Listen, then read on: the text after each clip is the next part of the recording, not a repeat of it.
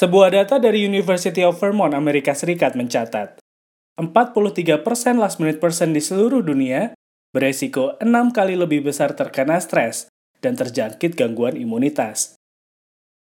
Kali ini kita bakal ngomongin tentang last minute person, teman-teman. Bareng saya Fendi Rahman, di Self Talk, Makna Kata Podcast.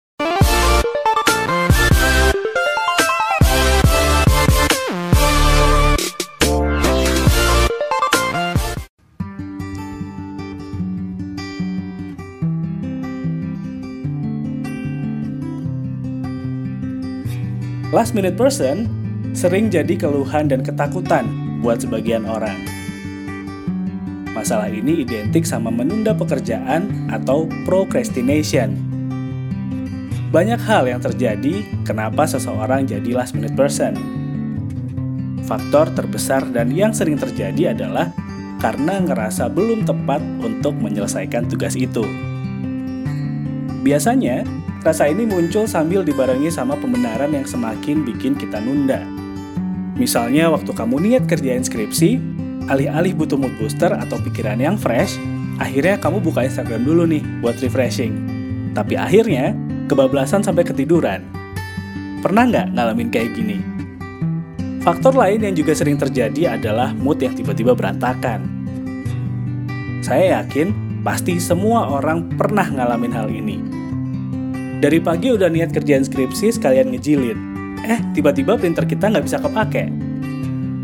Atau udah semangat banget bikin revisian, tiba-tiba ada teman kita yang nge-whatsapp tanya sesuatu yang nggak penting. Bikin males kan? Hal yang paling efektif dilakukan untuk mengurangi kebiasaan ini adalah bikin list priority activity. Catat semua hal yang pengen kamu lakukan dalam sehari. Terus mulai sortir dan kasih skala prioritasnya. Dahulukan hal yang paling penting dan segera.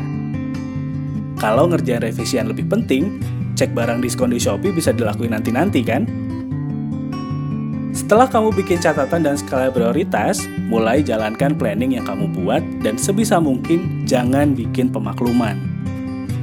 Karena sekali aja kamu melanggar dan bikin pemakluman, semua list rencana kamu akan berantakan sampai ke akhir. Kalau udah mulai bosan, streaming lagu favorit di Spotify atau nonton sesuatu yang seru di YouTube, tetap sah kok buat dilakuin. Tapi ingat, kasih batasan dan jangan sampai keenakan, supaya prioritas kamu nggak terbengkalai dan tetap di jalurnya.